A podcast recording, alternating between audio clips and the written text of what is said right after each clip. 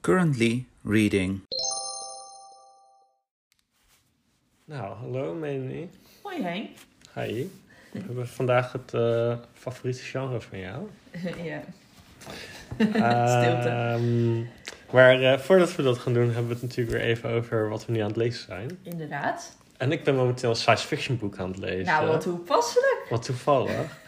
Ehm, het heet eh, The Word for World is Forest. Dus dat is Mhm. een hele mooie poëtische eh, titel. Ja. Wil je mij in het Nederlands vertalen? Volgens, ik weet niet of die in het Nederlands is vertaald, maar ja, het woord voor woud is wereld. Of omgekeerd. Het, Of het zelfs, woord voor wereld is woud. klinkt zelfs in het Nederlands best wel uh, poëtisch, vind ik. Ja, maar ik heb dus ontdekt dat eh, het is van Ursula Le Guin. Dat is een hele beroemde fantasy en eh, dus ook science fiction eh, Mhm. schrijfster. Zij is pas geleden overleden, volgens mij twee jaar terug, drie jaar terug. Ehm, maar haar initiële werktitel voor het boek was Little Green Man. Dat klinkt toch wel heel anders. Ik vind dit beter eigenlijk. Ja, dus wel veel beter. Eh, ja, eigenlijk het verhaal, het is een heel korte roman. Dus ik kan het ook nog aan jou aanraden in dat opzicht. Ja. Maar 150 pagina's. Eh, het gaat eigenlijk over ehm, hetzelfde als eh, Avatar, de film met de blauwe mannetjes. Ja. Dus, Dus mensen Little komen... Green Man, Little Blue Man. Ja. Dus mensen komen naar een planeet toe en ja, het gaat dus over exploitatie en hoe omgegaan wordt met, eh, ehm, ja, met de aliens die daar zijn. En ja, het is eigenlijk ook een soort commentaar op de Vietnamoorlog. Dus het is heel weinig over ruimteschepen en dergelijke, maar het gaat heel erg over eh, ja, society en hoe eh, de maatschappij dus reageert op... eh, nou ja, het zijn geen mensachtige, dus dan kan je al voorstellen hoe zij worden behandeld, eh, de aliens. Ehm, Maar ze dus hebben ja. wel een menselijke eh, intelligentie of daarboven of zo. Ja, dat is natuurlijk heel moeilijk. Maar jij, jij leest ook nou een boek over dolfijnen. En daar kan je denk ik Ja. ook over beargumenteren dat. inderdaad heel veel eh, overeenkomsten. Dus eh, ja, dus op zich zijn ze intelligent. Maar zo worden ze niet behandeld. Dus het is een heel, ehm, ja, het is een heel boeiend boek. Uit Ja. 1976. Nou, echt serieus. Het boek wat ik, een van de boeken die ik lees, die komt hier heel erg overeen qua ja, de discussie. Ik lees Stemmen in de Oceaan. Dat is een non-fictieboek over dolfijnen. En dat gaat inderdaad ook heel erg over dat er heel veel onderzoek nu wordt gedaan naar hoe intelligent eh, dolfijnen zijn. En dat eh, nou, blijkt dat die intelligentie echt heel hoog is waarschijnlijk. En tegelijkertijd gaat ze bijvoorbeeld op bezoek bij de auteur, eh, Susan Casey. Gaat ook op bezoek bij allemaal activisten. En bijvoorbeeld eh, in Japan, waar jaarlijks heel veel in een bepaald dorpje heel veel dolfijnen worden afgeslacht. Maar ook op de Salomon-eilanden. Mhm. Waar dat ook eh, heel veel gebeurt. En ook over ehm, dat ze vaak levend worden verkocht aan bijvoorbeeld weer eh dolfinaria. Oh ja. Over de hele wereld en zo. Dus eigenlijk dat het eigenlijk hele intelligente wezens zijn die ze ook heel erg misbruikt worden. Ja, Het precies. is wel een eh, mooi, interessant boek. Alleen, ik, het is dit ook een... ehm, ik dacht heel erg dat het heel wetenschappelijk zou zijn. En dat zit er ook wel in. Maar er zit ook Maar- een zweverige hoek in. Ja, er zit ook wel echt een best wel zweverige hoek in. En op zich vind ik dat meestal niet zo erg. Maar het gaat echt best wel heel ver. Ehm, ja, ook eh, wel New Age zit er bijvoorbeeld ook best wel in. Allemaal mensen waarmee ze spreekt. Maar ehm, er is bijvoorbeeld iemand in die gelooft dat dolfijnen eigenlijk buitenaardse wezens zijn. Nou, dat is toch bijna science fiction, hè? Inderdaad. en eh, die eh, op onze aarde zijn en in een andere dimensie communiceren. En eh, om boodschappen van buitenaardse dingen over te brengen. In The Hitchhiker's eh, Guide to the Galaxy is een van de boeken is ook eh, Thanks for all the fish. En dan eh, verlaten de dolfijnen inderdaad de planeet. Oh, echt? omdat ze inderdaad aliens zijn. Dus dat is Oh, daar gaat dit ook over. Alleen dan wordt het ook echt heel serieus besproken. En ik dacht eerst van, oké, dit is één persoon. Maar het komt ook de hele tijd terug in haar dromen en zo. Oh jee. En het, is, het gaat soms wel ver. En toevallig heb ik ook... ik ben dus deze zomer op reis geweest. En daar heb ik heel veel dolfijnen ook gezien en zo. En daar werd best wel gezegd van... Nou, het is echt niet goed om met dolfijnen te zwemmen over het algemeen. Want tenminste dat niet zelf op te zoeken.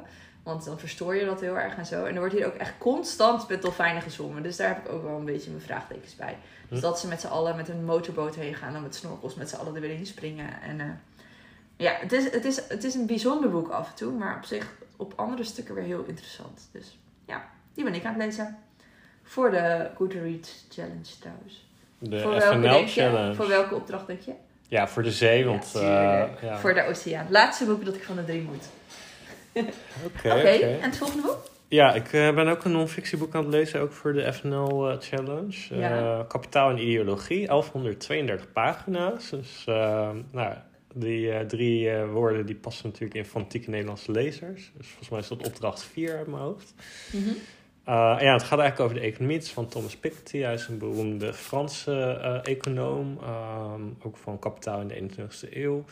Uh, en ja, Ah, ja. hij onderzoekt eigenlijk van nou ja, waar door ontstaat ongelijkheid en op welke manier is er ongelijkheid geweest in um, ja, oudere um, samenlevingen. Dus hij begint eigenlijk zijn verhaal in 1100 in Frankrijk. Uh, met de verdeling tussen nou, een geestelijke klasse, een adelklasse en een werkersklasse, om het zo maar te zeggen. En uh, ja, dat volgt hij dan helemaal naar eigenlijk de huidige tijd. Dus ik ben nu een beetje aan het begin, dus de eerste 80 pagina's. En, ja, Want hoe dik is het precies? 1132 pagina's. Okay. Uitdagend. Ja, dus dat is nog even, even doorpakken. Maar ik vind economie altijd wel interessant, dus ik ben heel benieuwd. En is het, uh, leest het gemakkelijk of is, is het best wel Er zijn wel heel is veel pittig, uh, of- noten, ja. Er zijn wel heel veel noten. Ja, en ik luister het boek dus... ehm, eh, ik luister het boek, dus dan verwijst hij ook naar pdf ehm 1.7 illustratie. En dan is het een beetje lastig. Maar op zich, ja, ik vind het wel een interessant onderwerp, zeker. Oké. Ehm, ik zal even kijken wat het volgende boek is wat ik heb gelezen. Dat is eh, wat ik aan het lezen ben. Dat is Laila van Marilyn Robinson.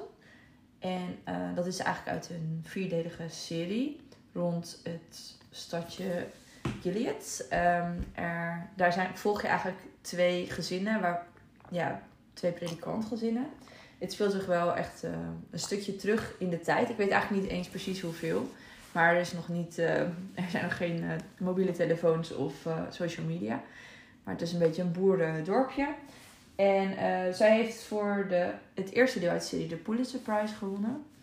Ehm, en je volgt elke keer iemand anders uit die gezinnen. En ehm, ik heb dus het eerste deel gelezen, het tweede deel. Het tweede, eerste deel vond ik heel goed. Het was eigenlijk ehm, ja, een gelijkenis gebaseerd op de verloren zoon. En daar had ze dan zeg maar weer een verhaal overheen gebouwd. Het is eh, literair, het is best wel langzaam, maar wel heel mooi. De tweede vond ik heel, was heel ongemakkelijk. Was heel veel spanning in de familie en zo. Dus die vond ik eh, wat lastiger om doorheen te komen. Maar dit is meer een liefdesverhaal. Dus deze vind ik tot nu toe eigenlijk wel heel fijn om te lezen. En ehm, ja, het gaat over een meisje wat eigenlijk heel verwilderd is opgegroeid. En eigenlijk altijd heeft gezorgd. Geen echte eh, familie heeft gekend. En eigenlijk niemand vertrouwt. Ook best wel hechtingsproblematiek heeft. En die krijgt een relatie met een van die predikanten. En dat is een wat oudere man. En die is juist heel veilig opgegroeid. Dus het gaat heel erg over die botsing tussen die twee. En tegelijkertijd de aantrekkingskrachten tussen. En het is echt een heel mooi, liefdevol verhaal eigenlijk. Met hele mooie quotes tussendoor. En heel erg psychologisch. Langzaam verteld. Ik vind het wel mooi tot nu toe. En deze lees ik weer voor de challenge. En dan voor de kleuren opdracht. Lila. Ja. Ja. Helder. Ja, ik moet alleen nog daarna Spaans eh, als opdracht inleveren. Oh ja. En ik lees nu eh, Het Huis met de Geesten van Isabel Allende, beroemde Chileense schrijver. Ehm, ja, het is heel eh, magisch realistisch. Het is wel echt wat je zou verwachten van een Zuid-Amerikaans boek. Het deed me ook heel erg denken aan ehm, Gabriel eh, Garcia Marquez, ehm, aan ehm, die stijl met magisch realisme erin. Bijvoorbeeld een van de, het is ook eigenlijk een familieverhaal. Een van die eh, dochters heeft dan bijvoorbeeld groen haar. Oh ja. En eh, een andere dochter die heeft de gave van voorspelling. Dus die eh, voorspelt allerlei dingen. Eh, je hebt ook mensen die dan, ehm, ehm, nou ja, magisch een beetje aan elkaar eh, verbonden zijn. Ehm, ik vind het op zich wel makkelijk lezen, maar het is niet echt mijn genre. Ik vind het altijd wel lastig, magisch realisme. Want ja, dat zit dan toch op zo'n soort slippery slope. van ja, hoe ver kan je daarin gaan? Of hoe, hoe kan je dan het verhaal natuurlijk nog realistisch houden Mhm. of eh, meeslepend houden? Ehm, maar goed, het is ook wel weer mooi van de challenge dat je een beetje uit je gebaande paden komt. Ik heb wel al andere Spaanstalige boeken gelezen dit jaar, maar ah, die waren allemaal vrij kort. Dus eh, toen Oh, ben ja. ik ook wel echt gaan kijken van, nou ja, wat is wat langer? Ehm, en eh, ja, ik moet zeggen dat ehm, Cervantes met eh Don Quixote, dat leek me toch weer een beetje te ambitieus. Dus ja, dus we zijn deze familie nog aan het volgen. En ik ben benieuwd wat Allende verder daarmee gaat doen met het verhaal. En is het haar, het eerste boek wat je van haar leest? Nee, ik heb wel een keer, toen was ik tiener, toen heb ik zelfs nog een tienerserie over ehm, een meisje in Jonne in ehm, de Amazon of zo, een soort avonturenserie met eh, een trilogie was dat eigenlijk. Oké. Heet de trilogie van de, ehm, eh, de Jaguar en de Adelaar. Ehm, dus eh, ja, die heb ik wel eerder een keer gelezen van haar, maar verder nog niet. Oké. Ik heb Eva Luna of zo van haar volgens mij gelezen. Kan dat? Geen idee. Ja, dat denk ik. Jij hebt hem gelezen, dus... Ja, ik heb niet. gelezen, dat klopt. Maar ja, het was ook een beetje. Ja, Magisch weet, ik weet het dus, ik weet er heel weinig van, meer eigenlijk heel eerlijk gezegd. Ik, het was ook wel iets met een familie inderdaad, maar het heeft niet echt super veel indruk op me gemaakt toen. Het was niet, eh, ik had toen niet zoiets van, oh ik wil alles van haar lezen of zo. Het was meer een keer zoiets van, oké, ik heb nu iets van haar gelezen, afgevinkt. Een beetje dat gevoel. Toch niet goed afgevinkt, Melanie? Nee, ja, had ik misschien nog meer moeten lezen. Nee, ik, denk, ik denk dat het daarbij blijft eh, bij deze schrijfster. Al zit ze wel in die eh poll, hè, van... eh, zij zit toch ook in die pool van... We willen dan van bepaalde schrijvers meer gaan lezen. Drie maanden lang. En daar zit zij volgens mij ook in, geloof ik. Ja, Ja, maar eh, niet helemaal bovenaan, Bovenaan, nee. daar zitten anderen. Maar goed, daar gaat het later nog over. Yes. Ehm, ja, ik lees dan verder nog één boek. En dat is ja, weer een heel ander soort boek. Ik lees ehm, een boek van C.S. Lewis. Dat is die van Narnia. Die heeft ook heel veel theologische boeken geschreven. Mhm. En ik lees ehm, eigenlijk ja, brieven aan een vriend van hem, Malcolm. En het gaat echt eh, over bidden, allemaal. En het is op zich wel interessant. Ze zijn op best wel hoog niveau aan het discussiëren over van alles en nog wat. En hij heeft best wel interessante ideeën. Wat wel interessant is, is dat ze alleen zijn brieven erin hebben gedaan. Dus die van Malcolm zitten er gewoon niet in. Dus dan, hij Zijn begint elke keer... gebleven? Ja, weet ik niet. Maar ze hebben alleen die van hem gepubliceerd. Dus het begint elke keer met... eh, eh, beste Malcolm, hoe kan je dit nou zeggen? Dat slaat helemaal nergens op. Ik heb deze en deze theorie erover. En... Maar ik denk elke keer, oké, ik zou ook wel eens willen horen wat Malcolm erover te zeggen heeft. Het gaat ook wel over persoonlijke dingen. Komen er ook van alles langs. En ze zijn best wel op eh, ja, hoog niveau aan het discussiëren. Dus af en toe, ik las hem eerst in het Engels. Toen kon ik hem echt niet zo goed volgen. Maar nu in het Nederlands gaat het een stuk beter. Ehm, maar ik vind het wel sowieso wel een heel goed idee dat je gewoon met een vriend dat je gewoon brieven gaat schrijven over een bepaald thema. En dan gewoon zoveel dat je er een heel boek over kan vormgeven. Dus ja, dat lijkt me ook wel leuk om ooit nog een keer met hem te doen. Science fiction. Nou, ehm, welkom Ellen. We hebben een eh, gast nu in ons midden, want we gaan eh, over science fiction praten. En we hebben, voordat we deze podcast opgenomen, gingen opnemen, hebben we een topic opgenomen in, de, in het forum. En daarin vroegen we over de favoriete science fiction boeken. En het viel ons op dat jij echt helemaal los ging. Eh, jij had echt heel Klopt. erg, ja, je had echt superveel eh aanraders. Ja, Dus ja. eh, nou, we dachten, eh, ja, jou moeten we eigenlijk hebben. Kan je misschien heel kort iets vertellen over eh, jouw relatie eh, tot science fiction? Ja, ehm, ik heb, eh, ik denk zo begin jaren negentig zo'n beetje heb ik science fiction, nee nog eerder zelfs. Ik herinner me dat ik in de trein zat naar Maars, naar mijn eerste werkgever. En dat ik Mhm. toen eh, de eerste boek van Duin las. Oh. mhm. Eh, en en dat, dat moet ergens in 85, 86 zijn geweest. En dat, dat vond ik eh, bij het derde deel dat ik ging lezen heel spannend, omdat ik toen overging naar het Engels. Want ik kon hem in het Nederlands niet krijgen. Dus in, in die periode heb ik heel veel fantasy en, en science fiction eh, gelezen. Heel veel Nederlands, maar op een gegeven moment was dat op. En toen Ja. moest ik in het Engels verder. En ergens zo halverwege de jaren negentig ben ik er een tijd mee gestopt. Omdat ik heel veel het idee kreeg dat ik steeds hetzelfde aan het lezen was. Eh, En dat was met name met fantasy zo. En daarna heb ik eh, naast allerlei non-fictie en andere genres nog wel steeds regelmatig science fiction gelezen. Omdat ik het een genre vind ehm, dat mij tot nadenken stemt heel vaak. En ik vind het echt heel jammer als ik mensen hoor zeggen van... Ah, science fiction, hè, dat is niet mijn genre hoor. Dat, dat, dat, dat, dat, dat, is niet voor mij. En ik, oh, er is zoveel in science Mhm. fiction te lezen. Ik zie Henk nu heel erg knikken, dus die, eh, die wil daar vast ook nog wel even op inspringen, zo te zien. Ja, nee, uh, inderdaad. Dus uh, ik had ook in het voorgesprek met Melanie, uh, was best lastig om iets te vinden wat zij zou willen aanraden. Dus nou, we zijn in ieder geval sowieso blij dat jij als gast bent. Maar ik, ehm, ja, het, het, kan heel breed zijn. Hè? Dus heel veel mensen hebben inderdaad het beeld van, nou, het moet met aliens zijn of het moet in de ruimte zijn. En natuurlijk is dat ook wel deels waar voor sommige boeken. Maar ik vind het juist heel interessant als het over de maatschappij gaat. En eigenlijk over hoe de maatschappij kan veranderen. Of als we bepaalde problemen die we nu hebben uitvergroot of uh, ander licht erop laat schijnen. Um, dus ja, in dat opzicht ja, ik vind het ook heel leuk, genre, zeker. Dus leuk om uh, een enthousiastelin in de podcast te hebben. Er wordt nu heel veel naar mij gekniet. Ja, ik ben dus, het is dus niet mijn genre. Dat is, tenminste tot nu toe. Ik heb het wel eigenlijk al best vaak gelezen. Wel regelmatig, misschien nog niet zo lang zoveel als jullie. Maar ik geef het dus heel vaak drie sterren. Dus ik had inderdaad echt moeite om uh, aanraders te vinden.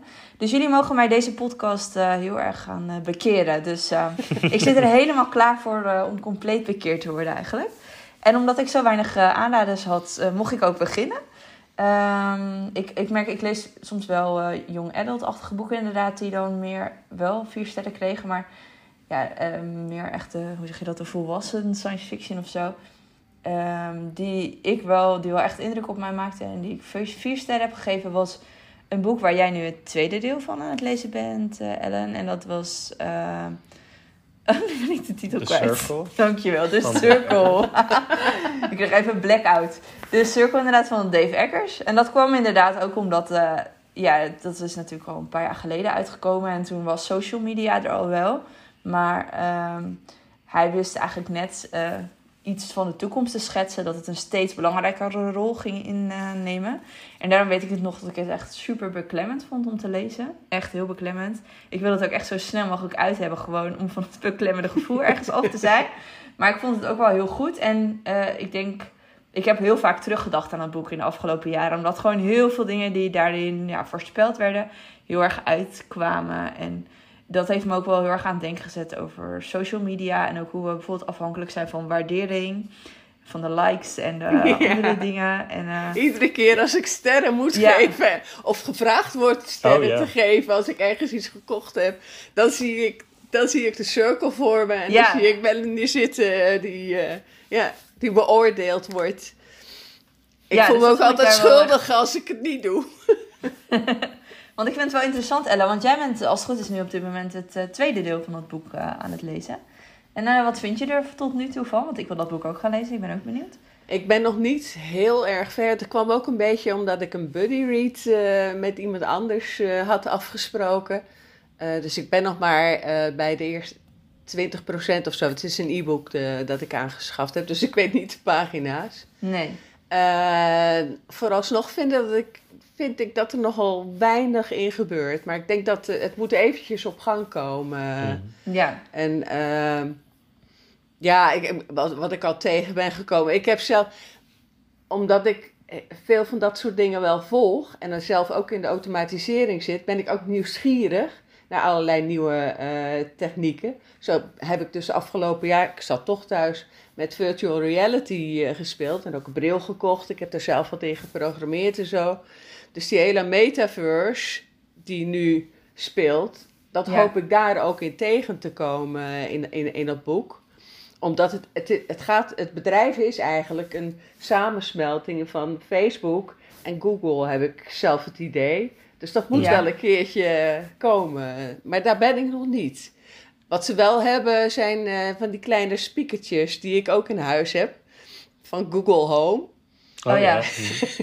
die de hele tijd meeluisteren weet je en ja, volgen ja, wat er gebeurt. Uh. Oh ja. Ja, ik denk maar, trouwens, nu staat er elke keer meta onder, ook als je WhatsApp bijvoorbeeld opent. Dan denk ik trouwens ook elke keer aan de, aan de circle als ik dat zie staan. Ja, ja, ja uh, ik denk dan aan Snow Crash. Wat, oh, ja? wat, wat, een van mijn favorieten is. Mm -hmm. oh, ja, Want daar is die term ook uh, voor het eerst in gebruikt. Ook, oh. Oh, dat is een term van, uh, van Neil Stevenson, waar ik echt een groot fan van ben als het gaat om uh, science fiction. En Snow Crash is al wel een, een wat ouder boek. Mm -hmm. uh, het speelt in, een, in, in Amerika, in Los Angeles, maar de hele boel is geïmplodeerd in, in, in Amerika. Dus het is lang niet meer het Amerika van nu. En dan le je kunt dan leven in twee werelden. En een van die werelden is dus die metaverse. En ehm, dus daar, daar heeft Facebook, Zuckerberg, eh, heeft daar die naam van gejat, zou je kunnen zeggen. Maar ja, het is zo algemeen gebruikt dat eh, dat kan je eigenlijk niet meer zeggen.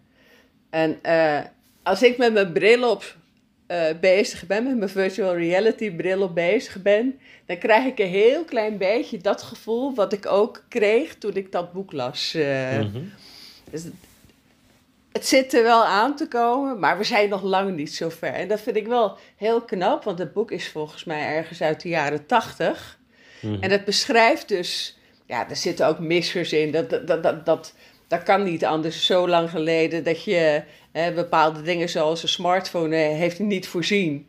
Ja. Eh, maar andere dingen herken je er wel in. En dat is, eh, ja, dat vind ik wel heel gaaf om, om, om, dat, om dat nu nog te lezen en, en, en mee te maken. Omdat ik het ook zie met die bril en de, en, en, de, en de applicaties die daarin gebruikt worden. Ik heb laatst gegolfd, eh minigolf gedaan met iemand die Hmm. in Manchester woont.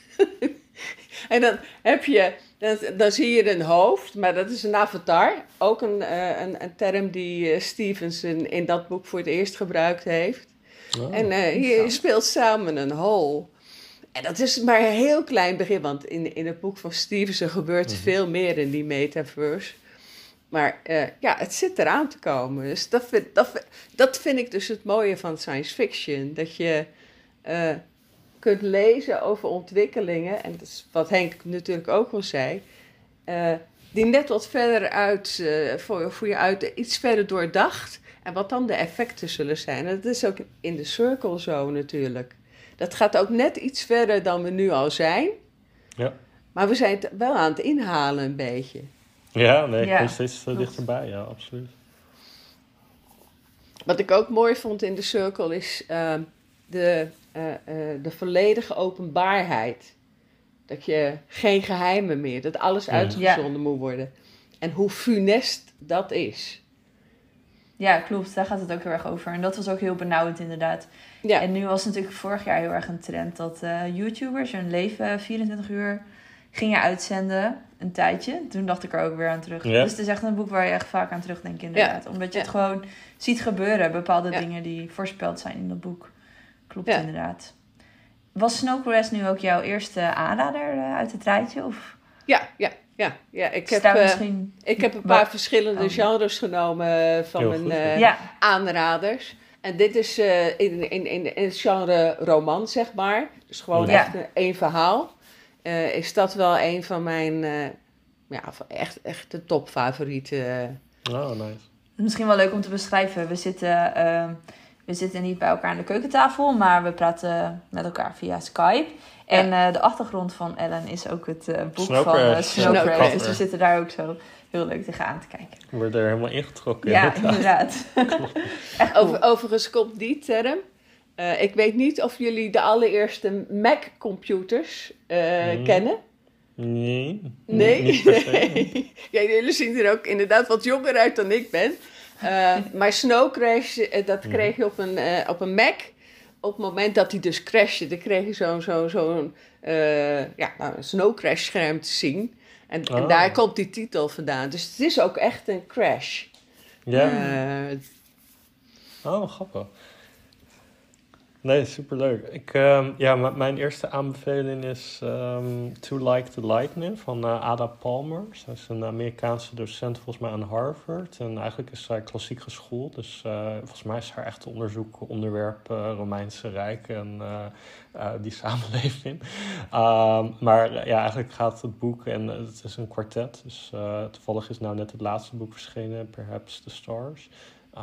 Maar het gaat eigenlijk over een ehm, samenleving in 24 nog wat. En ehm, wat zij heel erg doet is, nou, er zijn wel wat dingen veranderd in de technologie. Ehm, dus er zijn nu eigenlijk eh, auto's, eh, nou, vliegende auto's, die dan eh, de wereld met elkaar verbindt. Eigenlijk als een soort internet, maar dan fysiek.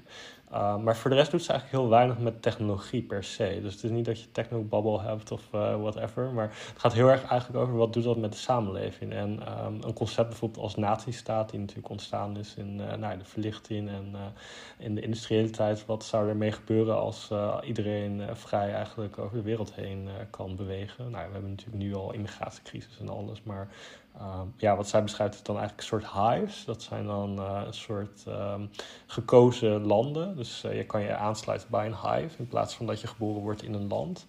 Um, en die, elke hive heeft een bepaalde bestuursvorm. Dus uh, als jij daar ook niet mee eens bent, dan treed je uit je hive. En op die manier nou, een soort ultieme democratie dus om een succesvol model te vinden. Dus je hebt eigenlijk allemaal verschillende soorten samenlevingen waar mensen zich bij kunnen aansluiten op basis van affiniteit.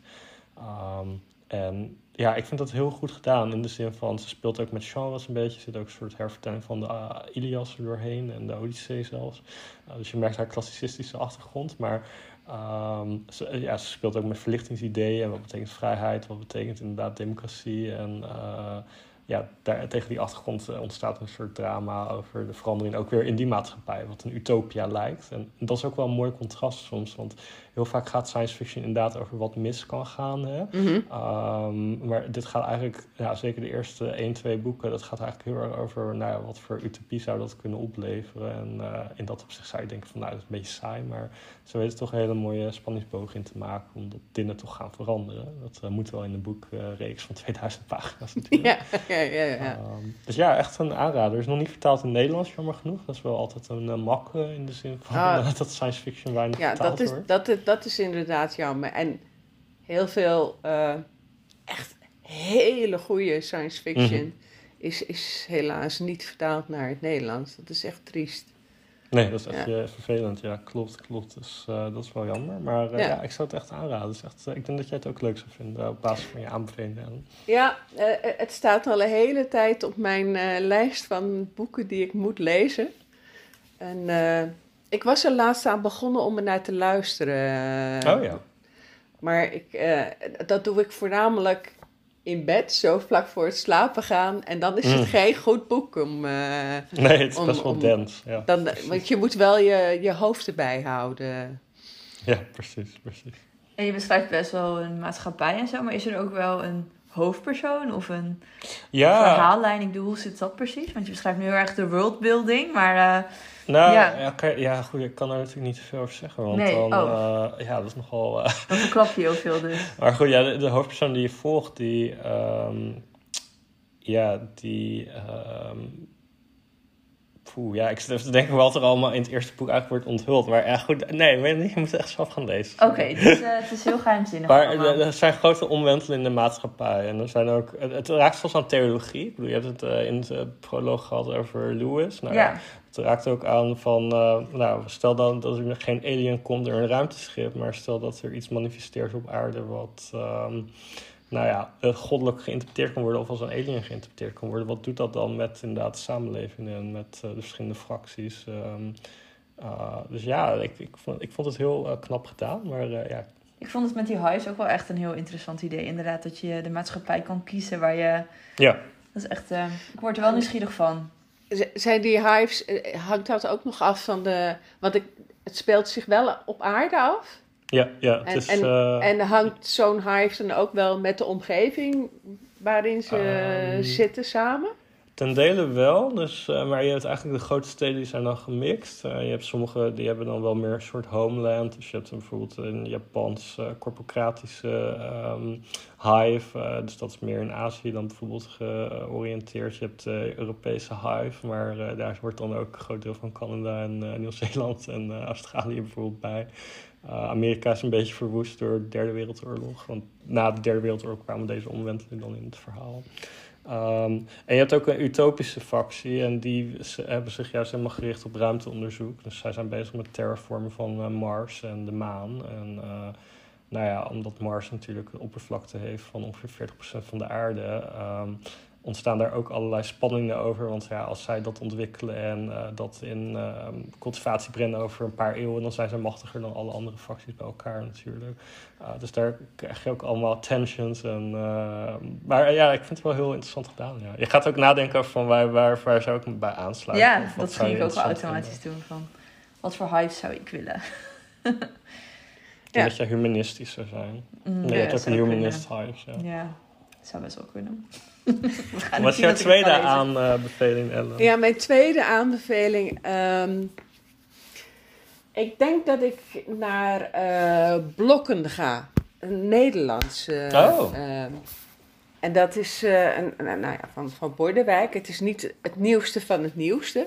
Mhm. En als je hem uh, gaat lezen. Kijk, Bordewijk is iemand die, die heel erg kale taal gebruikt.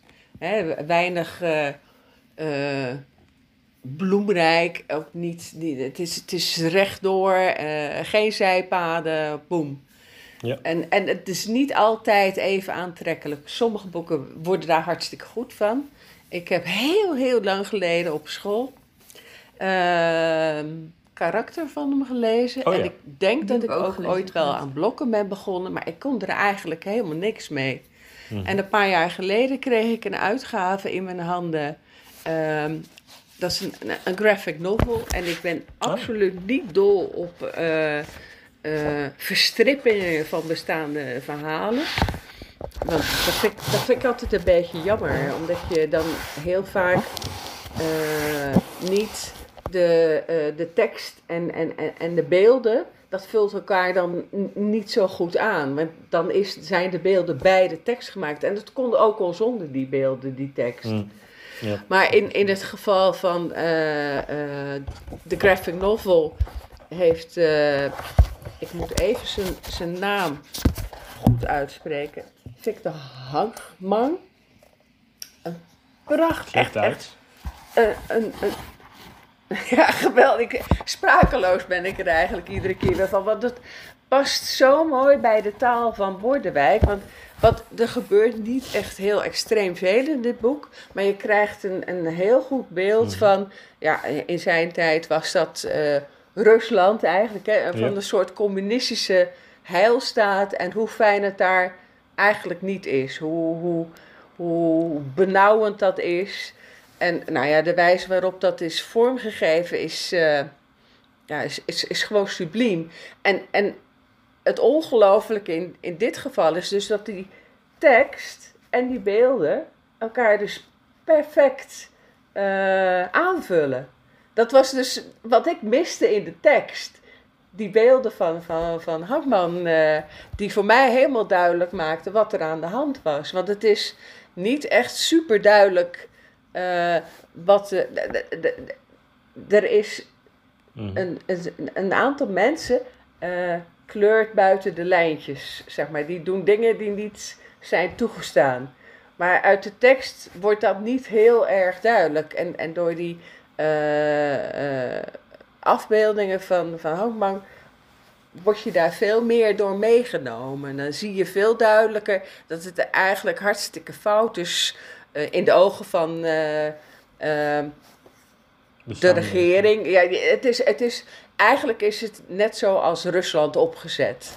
Het hele, uh, uh, de hele staat uh, in, in blokken. Dus ja, het is heel benauwend en heel eng en heel naar. En eigenlijk merk je dat als, als mens die daar moet leven, alleen maar als je afwijkt van wat er van je gevraagd wordt te doen. En nou, het, het heeft niet veel kleuren. Uh, blauw, rood en geel. En zwart en wit. Mm maar door het gebruik van die kleuren wordt het je extreem duidelijk uh, waar het gevaar bijvoorbeeld zit. Ja, precies. Het is, het is uh, ah, je moet het gewoon zien.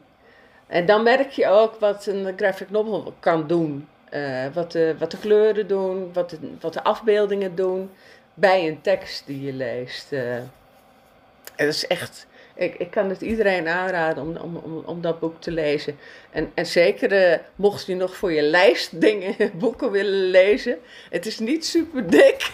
Nou, het is echt geweldig. ik heb dus nog een toekomstboek nodig. Dus eh, Nou, Ik weet maar niet het is gewoon de integrale tekst van Blokken. Hij heeft er niks aan veranderd. Dus het is gewoon echt het verhaal. Dus ik kan me Nou ook ja. niet voorstellen dat ze daar op school of wat dan ook, dat ze daar dan over vallen. nee, daar zou het inderdaad ook wel echt eh, een mooi boek voor zijn dan. Ja, Ja. ja. Ja, Oh, en, en, en, en, en je leert er wel uit hoe zo'n dictatuur eh, werkt. Ja. En eh, je klein houdt eh, maakt. Is het dan niet heel dik als je en de, de volledige tekst hebt en de... Dan zou je juist denken dat het... En de, alle illustraties erbij, dan zou je denken dat het veel dikker zou worden. Maar dat valt dus wel mee. Nee, ja, het, nee, het is niet echt. Maar het is niet een heel dik boek van zich, Oh, dat eh, van ook. zichzelf, hè? Ja, Het, is, het is eigenlijk een novelle, eh, Oh, zou ik het noemen. ja. Dus het is, eh, nee, dat, eh, het is er niet veel dikker van geworden, nee. Oké. En er zit weinig dialoog in, het is veel meer bes- beschrijvend. eh. Ja, ik zat al door te wachten tot de vaatwasser afging, maar nu is het opeens... Ja, nu heeft iedereen de piepjes gehoord. Dan Dat moeten we dat- gaan is de- knippen. Ja, het is gewoon de science in deze podcast die even langskwam. Ja. De techniek. Maar nee, heel goed dat je echt ook een eh, graphic novel eh, aanraadt. Dat is ook een heel ander medium, dat is hartstikke leuk. inderdaad. Ja, leuk. En waar ook heel veel science fiction in te vinden is. eh. True, true, ja. Ja, ja. Ik heb ook eentje van eh, 1984 nu eigenlijk als eh, graphic novel inderdaad gelezen. Maar eh, het is inderdaad lastig om de fusie tussen tekst en eh, beeld, om dat goed te krijgen, die balans. Ehm, dat Ja. eh, herken ik inderdaad. Ja. Ehm, ja, mijn tweede aanrader is uh, Oryx and Craig van eh, Margaret Ah. Atwood. Ehm, ja, ik denk dat zij heel eh, goed is in het raken van maatschappelijke trends ook. En ja, in dat boek gaat het ook heel erg over van, nou ja, de biologische kant eh, van technologie. Dus inderdaad, wat kunnen we met gene editing doen? Nou, volgens mij was CRISPR toen nog niet eens uitgevonden. Dus dat je echt eh, bepaalde genen kon eh, targeten. Maar dat heeft ze toch wel op een bepaalde manier voorzien. Dus nou ja, volgens mij was het vorige week of de week daarvoor van... dat, er- dat er een eh, mensenhart eh, geïmplementeerd was hè, vanuit een eh dier. Varken. Ja, precies. Maar dat zat ook al in dat boek. Dus Ja. de Ja. hoofdpersoon, die is een zoon, die werkt op een... zijn vader werkt op een compound en die ontwikkelt dus inderdaad donorharten en donornieren, Ja. donororganen op varkens. En ehm, ja, eigenlijk zie je ook dat die samenleving daarbuiten steeds verder polariseert. En ehm, nou, je hebt dan inderdaad een soort elite met eh hogeschoolde eh, werknemers voor eh, grote tech companies, in dit geval biotech companies. En ja, eigenlijk een verdere afbraak van de omliggende maatschappij. En dat contrast wordt ook wel heel goed gedaan. Terwijl het, nou, het is echt een boek uit 2004 of zo, of 2003. Dus ja, dat was eigenlijk nog pre-Facebook in dat opzicht. Of pre-Silicon Valley Rise in dat opzicht. Uh, ja, en het, is ook, het gaat ook in over mensenhandel. Uh, er zit ook echt een hele schijnende scènes in over een meisje... wat uh, nou ja, uiteindelijk met die hoofdpersoon uh, verbindenis aangaat. Maar zij komt dan uit een soort Thailand of Birma. En het gaat ook in over die human trafficking. Dus ja, ik vond het heel goed gedaan door. En uh, um, ja, dat laat ook zien dat inderdaad science fiction niet uh, nou ja, een ruimteschip moet zijn, maar juist ook uh, over heel andere technologieën kan gaan en over wat dat zou kunnen betekenen voor de maatschappij. Ja, wat ze daar echt heel perfect in, in alles wat ze daar beschrijft. Op het moment dat ik het las, hè, mm-hmm. kon, kon, ik, kon ik dat terugvinden in, in wetenschappelijke tijdschriften. Ja, ja precies. Ja. Er was toen net een. Uh, ze hadden net geëxperimenteerd met het laten groeien van een oor op een muis. Oh ja, ja, ja, precies. Ja, ja. Mm, en, en lichtgevende vissen, ja. kan ik me nog herinneren. En wat mij heel erg uh, aangreep, was dat ze het over Alex, de papegaai, uh, herinneren. Het is maar een heel klein stukje. Maar dat heb ik gevolgd. Die heb, um, de papegaai Alex hebben ze uh, leren praten. Maar dan wel zo dat je, je kon hem opdrachten geven. Geef mij mm-hmm. uh, het gele blokje hout. En dan ja. pakt hij dat gele blokje hout. Of geef mij de grootste. Of wat is de grootste. Dus was, dat was niet alleen maar nabootsen. Maar dat was ook... Nou ja, hij kon het redeneren, zeg maar. Ja, en die was ja, net dood gegaan op dat moment. Dat was best groot nieuws in de, in de wetenschap. En in dat boek eh, werd zijn dood aangehaald. eh. Oh. Ja, Dus dat, eh, zo bij. Wel grappig dat je het zegt. ja, ja het is, eh, dat doet Edmund natuurlijk fantastisch. eh, Ja. Dat voortbeduren op wat we nu al kunnen. En wat dan het effect over een paar jaar is. Want ze zit ook nooit heel ver in de, ver, in, in, Nee, nee, in, in, in, in, in de toekomst. Ja, Zeker. prachtig. zeker. Heb je die, die andere daarna ook nog gelezen? Ja, ja, die heb ik ook gelezen inderdaad. Maar ik, ehm, ja, de eerste is me altijd wel het meeste bijgebleven, omdat het ook echt de wereld schetst. En nou ja, ehm diegene daarna zijn wat meer dystopisch. In de zin van er is een virus losgebroken, iedereen is bijna dood. Nou, bijna COVID, maar dan natuurlijk erger. ja, daar word je niet Eh, vrolijk maar- van. Ja, het is dan wat traditioneler voor mijn gevoel. Of althans wat minder eh, in de worldbuilding. ehm, zoals jij dat eh, net noemde. Mhm. Ehm, maar daar zitten ook wel heel interessante dingen over. Bijvoorbeeld eco-activisten en hoe die dan behandeld worden door eh, de maatschappij.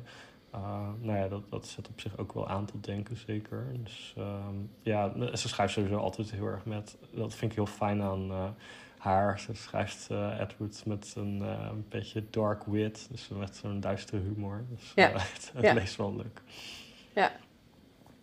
Lees je het in het Engels? Want dit is wel een vertaald boek, hè? Ja, deze is wel vertaald. Nee, deze heb ik in het Nederlands gelezen. Toen was ik echt 17 of zo. Ehm, volgens mij die vervolgen heb ik toen wel in het Engels gelezen. Maar ik heb ze allemaal niet meteen bij het verschijnen gelezen. Dus eh, ja. Wat is jouw eh, volgende aanbeveling, Ellen? Mijn volgende aan- aanbeveling is een eh, verhalenbundel. Oh, goed. En eigenlijk heb ik, moet ik uit, uit twee kiezen nu. Want ik heb ehm, I Feel Machine. Maar dat is ook weer een graphic novel. En die heb ik net Ja. ook al behandeld. Maar het leuke daarvan is dat er eh, eh, vijf verschillende eh, ja, kunstenaars zijn het eigenlijk. Hè, als je het over een graphic novel... Het zijn ook oorspronkelijke verhalen. Eh, er zitten vijf verschillende in die, in die bundel, want het zijn ook gewoon echt verhalen. Eén daarvan is misschien wel bekend bij een aantal eh, mensen. Dat is de eh, maker van De Aankomst of The Arrival. Ja, die ken ik wel. Ja. Ja. dat is echt een heel mooi boek. Ja, hè? Ja, Ik, da- daar heb ik nog over gedacht, maar ik denk, het is, het is geen science fiction. nee. Daar heb ik serieus ook nog over gedacht. En toen keek ik nog onder de genres. En dacht ik, oh nee, ze noemden het historical fiction. Maar daar was ik het niet helemaal mee eens eigenlijk. Het heeft ook wel, het zit er een beetje tussenin of zo. Nou, Ja. ik- dan moet je I Feel Machine moet je, moet, moet je eens opzoeken, want er staat een Ja. verhaal van hem in. Eh, dat is wel science fiction, Ja. maar het, het heeft er ook wel mee te maken. Het lijkt ook wel een beetje op het verhaal van, van de aankomst. eh. Oké, Maar goed, die ga ik niet bespreken. Aha. nee. Even een zijweggetje. Mhm. Ik heb eh, een andere verhalenbundel eh, gekozen. En dat is eh, eh, een verhalenbundel van Ted Chiang. Oh ja. Is nog niet zo heel lang geleden uit. Is ook te beluisteren trouwens op, eh, op Storytel. Of mag ik geen reclame maken? Oh nee hoor. dat Wel hoor. Oh, oh, oké. Gelukkig. Ehm, ik weet niet zeker of die in het Nederlands beschikbaar is. Dat moet Volgens mij nog niet. Nee, ja, zal wel niet, Mhm. helaas. Ehm, de, eh, een verhaal met Exhaustion eh, heet, het, eh, heet het boek. Exhalation. Exhaustion. Ja, dat, is, dat ja. is helemaal in. Exhalation moet het zijn. Wat is er? Nee, ik, ik, ik, ik ben hier aan het opschrijven wat je noemt en ik had het al opgeschreven. Dus eh, ik zat in de goede richting. Ga door, ga door.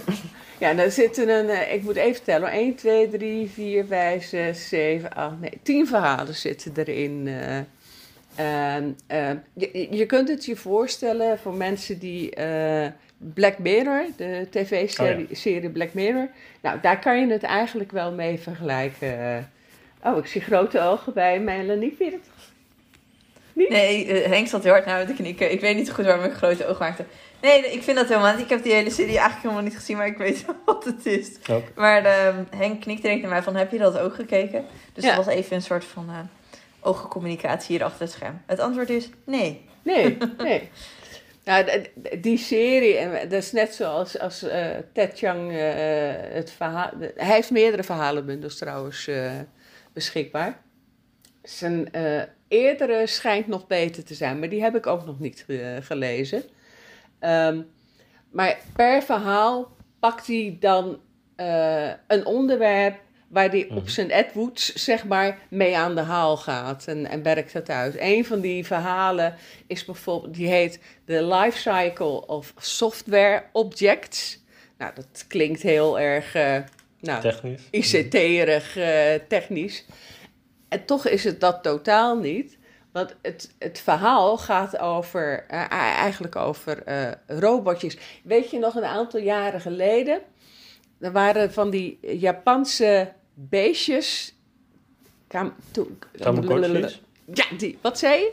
Nog eens? Tamagotchi. Tamagotchis. Die moest je verzorgen, hè?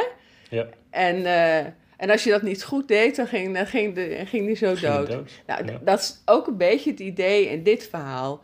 En eh, die dingen worden dus op een gegeven moment hartstikke populair. Eh, ze hebben een eigen plek waar ze leven, een soort eigen metaverse waar ze leven. Eh, het is een enorme hype. En dan, ja, dan valt die hype weer weg. Maar ja, die dingen zijn er nog wel, die robotjes. Die, die, die, die, eh, het, het zijn niet echt robotjes, maar eh, vergelijkbare eh, dingen. En ze hebben ook, ze zijn getraind, ze zijn, misschien ook wel, hebben, hebben ook wel iets van een bewustzijn. En, Mhm. Eh, ze handelen ook wel ethisch. En, dus het is, het is niet niks. Het is niet een, een, een ding voor een aantal mensen. Voor een heleboel mensen dus weer wel. Eh, maar die hype is over. En wat gebeurt er dan mee?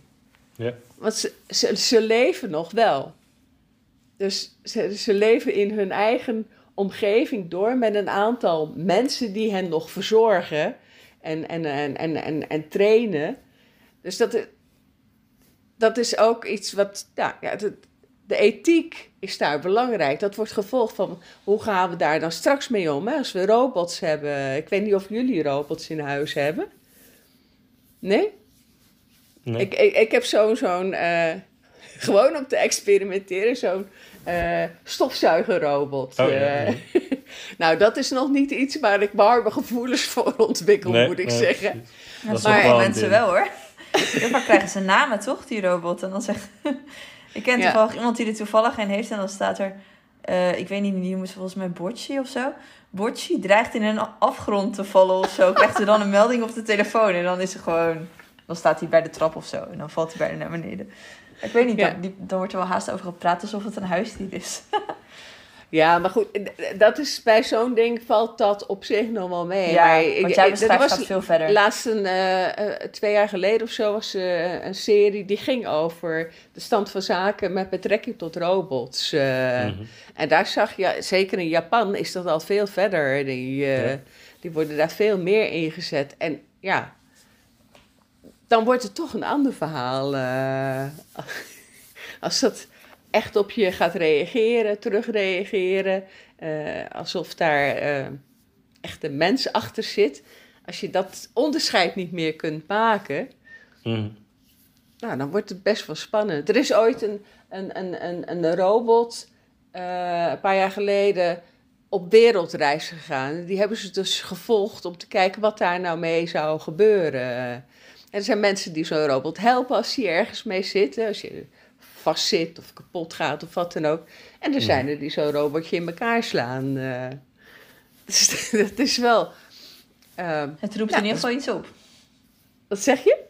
Het roept in ieder geval iets op, dus. Ja, ja. Nou, dat is, dat is dus in dit verhaal kun je dat ook helemaal zo volgen. Want het einde is in dit verhaal ehm, dat ze van een, een, een- een bedrijf een, eh, een aanbod krijgen om eh, ze over te nemen. Maar dan worden ze wel ingezet als seksrobots.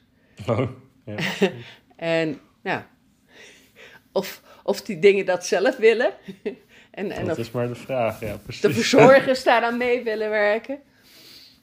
Dus dat, ja, nou, dat is een van de verhalen die erin zitten. Zo zitten er nog een aantal in waarvan je denkt van... Ja, dat zijn wel dingen waar je dan over na gaat denken. eh, Van hoe zou ik Ja. dat doen? En, en, en eh, Ja, roept ook allerlei ethische vragen weer op, dus. ja, ja. Onder andere superleuk. ethisch, ja. Ja. Ja, en ook een verhalenbundel is denk ik ook wel toegankelijker. Als je het niet aanspreekt thema, dan, eh, ja, dan gaat het natuurlijk snel weer verder met een ander Ja. eh thought-provoking onderwerp. Dus eh Ja. goede aanbeveling. Ja. Eh, ja, mijn volgende aanbeveling is ook toevallig van een Aziatische schrijver. Dus van Lee Xixin. Ik weet niet zeker of ik dat helemaal goed zeg, maar ehm, dat gaat over de Remembrance of Earth Past eh, serie. En de eerste is volgens mij ehm, ehm, ook, eh zijn ze momenteel bezig aan het verfilmen, maar het is een trilogie. En degene ja, die ik het best vond, is eigenlijk het einde van de trilogie. Dat heet Death's End. Ehm, volgens mij is het trouwens ook net vertaald in Nederlands trouwens, omdat hij best wel een eh, populaire eh, schrijver is. En ook omdat Netflix heeft ook al een keer een ander kort verhaal van hem eh, verfilmd. Of in ieder geval, dat is in ieder geval op Netflix verschenen toen de tijd, The Wonder in Earth. Ehm, ja, en eigenlijk die trilogie gaat heel erg ook over first contact en wat betekent dat dan voor een mensheid, maar ook ehm, het gaat ook over wetenschap eigenlijk. Van, nou ja, kan wetenschap zich wel verder ontwikkelen als bepaalde fundamentele onderzoeken met deeltjesversnellers, eh, als dat niet meer mogelijk is? Nou ja, dat klinkt dan heel abstract natuurlijk, maar er zijn heel vaak natuurlijk discussies over van, nou ja, waarvoor dient wetenschap? Wanneer is dat dan eh, nuttig en noodzakelijk? En moeten wij 20 miljard besteden aan een eh, ruimtetelescoop of aan een eh, deeltjesversneller? Ehm, ja, en die verhaal... ehm, lijn die hij daarin volgt, is dat dat wel echt nodig is. Want eh, op een gegeven moment heb je een hele space battle op basis van de technologie eh, die de mensheid dan tot dan toe heeft. Maar eh, dat haalt het net zo goed niet tegen een ehm, modern, modern oorlogsschip, wat bijvoorbeeld een ehm, aantal houten scheepjes bombardeert. Nou, daarmee eindigt ook die confrontatie met de aliens, om het zo maar te noemen. Uh, dus ja, dat gaat ook heel erg over, um, over grote thema's. Het is ook, ik moet zeggen, de karakteriseren is niet heel sterk, vind ik zelf. Ieder geval, die karakters hebben allemaal een beetje, een beetje clichématige uh, karakters in uh, bepaalde opzichten. Maar de ideeën die hij poneert, die zijn wel heel interessant en uh, die doen je er wel echt over nadenken. Van, nou, wat betekent dat? Ook bijvoorbeeld van een ruimteschip dat um, gaat dan op missie en de aarde wordt bedreigd in, in dit geval. Maar dan gaat het ook over de ethiek inderdaad van nou, wie worden dan op het ruimteschip naar uh, Alpha Centauri gezet. Want uh, ja, er zijn 7 miljard mensen, maar er passen geen 7 miljard mensen natuurlijk op die vloot. Um, dat soort zaken die Ja. spelen dan heel concreet. ja, en eigenlijk het laatste boek, dat is ook wel het meest sweep in. Um, nou ja, ik vond het zelf altijd wel um, wetenschap interessant, maar een gegeven moment gaat hij ook echt in over van, nou ja, kan de lichtsnelheid uh, gemanipuleerd worden en wat is zwarte materie en, uh, sorry, donkere materie en donkere energie. Dus het is best wel hardcore uh, science eh, van, van, de fictie in dat opzicht. Maar um, ja, ik, ik, vond het heel eh, goed. Het eerste deel had ik maar drie sterren gegeven, het tweede vier sterren, maar het laatste deel vond ik echt vijf sterren. Dus eh, ja, ga, um, ga het lezen, Remembrance of Earth Past. Hij moest er even inkomen. Met ja, voor mijn gevoel wel. Of ja, misschien snapte ik het pas beter na het end toe. Maar, uh, ja. ja, ik moest, ik moest tijdens jouw verhaal ook denken aan een ander boek van Neil Stevenson, Seven Eves. Oh ja, die heb ik Heet ook gelezen.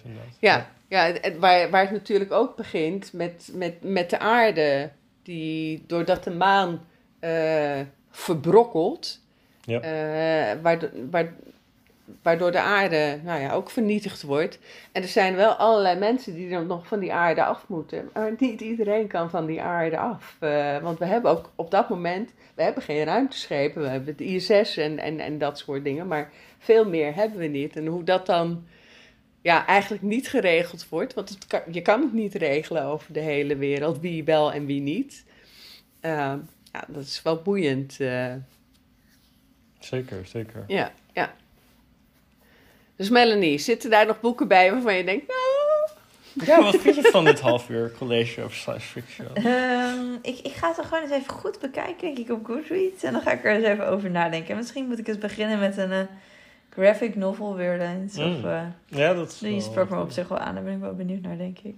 Ja, En ehm, ja, ik denk dat dat is wat ik erover kan zeggen. Ik weet niet of het ooit helemaal mijn genre wordt, maar... Hoeft Ik denk dat niet. het altijd zo is, hè? Dat je bepaalde genres hebt die je goed liggen en andere genres die je weer iets minder, ja, waar je iets minder mee hebt. Misschien, het gaat inderdaad, wat jij net ook al zei, het gaat ook wel heel vaak over eh, dat het eh, misgaat op de wereld. Of ja, best wel dingen die best wel spannend zijn of ook wel eng om over na te denken. En ehm, af en toe, nou, Henk is het niet helemaal met me eens. Nee, nee, ga door, ga door. Maar eh, misschien is dat ook wel iets wat ik soms. Ik denk dat ik heel erg lees om te ontspannen. En ik kan heel erg doordenken met dingen. Dus misschien dat, ik, dat het me soms ook wel heel erg verontrust, science fiction. Dat dat ook misschien wel iets is wat erin zit. Maar ik weet het ook niet precies waar het aan ligt. Waardoor het me wat minder ligt. Want ik merk wel dat bij bepaalde dingen waar jullie over praten... dat, dat mijn hoofd gewoon zo eh, helemaal de andere kant op gaat of zo. Dus ik heb ook niet zo... Ja, zeg je dat? Ik heb niet zo heel veel interesse in technologie of... Maar zou, ja, jij hebt bijvoorbeeld helemaal geen interesse in historische fictie. Ja, dat vind jij. Daar gaat het bij jou heel vaak een beetje uit, hè? Ja, ik denk dat iedereen dat wel heeft met bepaalde genres. wel, eh, Ja, wat je meer ligt of iets minder of zo. De grote groepsupdate. Nou, in de groep is het ook eh, druk. We zijn momenteel natuurlijk nog bezig met eh, Evelyn Hugo en eh, haar zeven echtgenoten. Ehm, Zeker. maar volgende maand staat een eh, klassieker op het programma. Dat is Charles Dickens met ehm Tale of Two Cities. Dat, eh, Mhm. Volgens mij in het Nederlands is hij bekend als eh, Tussen Londen en Parijs. Wat een beetje een bijzondere vertaling is, om het Ja. zo te noemen. Ehm, maar ja, dat is de familiesaga roman in ieder geval. En eh, ik heb hem zelf toevallig al gelezen, ook voor de challenge, omdat het een van de boeken was die Oprah in haar eh, boekenclub heeft behandeld. En ik vond het best wel makkelijk weglezen voor zo'n oud boek. Dus ik hoop ook wel dat veel mensen het eh, willen oppakken. Het gaat heel erg over de Franse Revolutie en de invloed daarvan op eh, ja, de mensen eigenlijk. eh, en deels van mensen die wonen dan in eh, Engeland. Maar er zijn toch ook weer familiebanden met nou ja, Frankrijk. En daar is natuurlijk een heleboel aan de hand met de revolutie. Ja. Dus je kan je al voorstellen dat er best wel wat drama is. Mij deed het zelf best wel denken eigenlijk aan eh Klokkenluider van Notre Dame. Ehm, dus ja, daar moet je een beetje aan denken. Echt een eh 19e-eeuwse roman. Dus, eh, Oké, ja, ik heb, ik heb wel andere dingen van hem gelezen, maar deze heb ik nog niet gelezen. Dus alleen lees ik niet mee. Want we gaan ook nog een andere, ander boek uit die pool lezen met een klein groepje via WhatsApp. En dat is Middlesex. Die staat ook op die, op die lijst van Oprah. Dus ik ga wel meelezen in deze pool, maar ik ga met een ander groepje meelezen. Daar zou je ook nog op, voor op kunnen geven. Die gaan we begin december lezen zou je een eh, berichtje even kunnen sturen. Dan kan je meedoen. Dat gaan we via WhatsApp doen met een groepje. ja, en in januari ga ik ehm, ja, eigenlijk ook in het familiesaga-thema eh, Crossroads, eh, Kruispunt van ehm, Jonathan Franzen lezen. Die komt ook nog uit die poll. Ehm, is het ook niet geworden, maar eh, ja, daar gaan we dan het nieuwe jaar ook mee starten met een aantal mensen. Dus, Zo, eh, dus het is eigenlijk een pool waar heel veel uh, ja, familiesaga's zijn, zijn, wel ontstaan. populair, ja. Ja, het zijn ook wel vaak echt hele mooie boeken. Ja, en wat ook nog deze maand is, het is natuurlijk bijna Sinterklaas. Dus we gaan, ehm, we zijn druk bezig met de quote game, maar die is nu in Sinterklaas-stijl. Jij bent er erg goed in, Henk, om, om het te raden. Tjoe, joh, jij bent echt, je hebt het zo vaak geraden, dus jij bent heel veel aan dichten. Maar we geven hints eigenlijk ehm, ja, over boeken in de vorm van een klein gedichtje. En dan kan je raden welk boek eh, het andere lid zeg maar, bedoelt. En dat gaat echt hartstikke leuk. En verder eh, is er ook eh, loodjes trekken. Daar hebben zich echt al heel veel mensen voor opgegeven. Eh 5 december worden er, eh, ja, worden er loodjes getrokken. En dan gaan we het favoriete boek lezen van een ander FNL-lid. Dus ehm, dat wordt heel leuk. Dus je wordt aan iemand gekoppeld. En dan ga je eigenlijk met elkaar delen van... Nou, wat was nou jouw favoriete boek van 2021? En eh, ja, aan de hand daarvan eh, ga je dat boek lezen. En je hebt wat langer de tijd, dus dat is ook prettig. Want eh, iedereen is natuurlijk heel erg druk bezig om die leeschallenge van Evie af te ronden.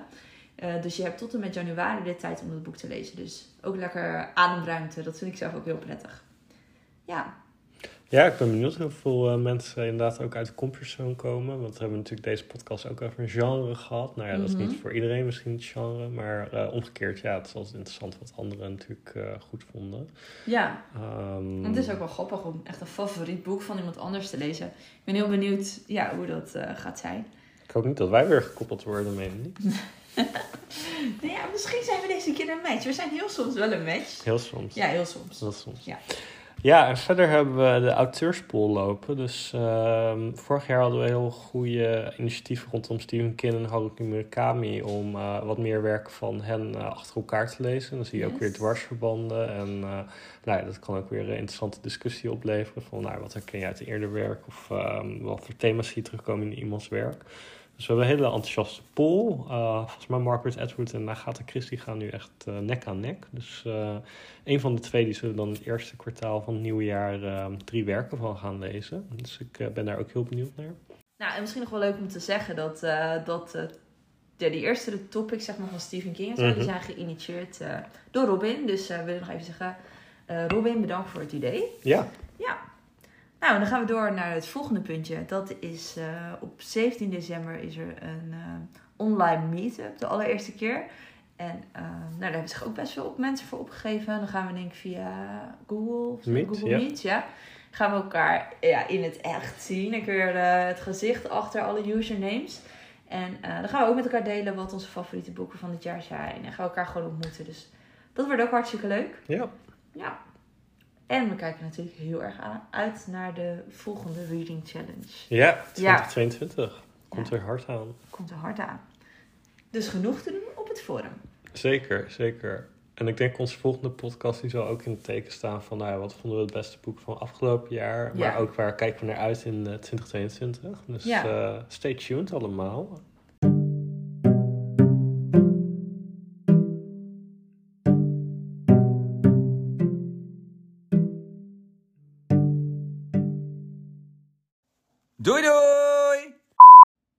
Deze keer zonder bloopers.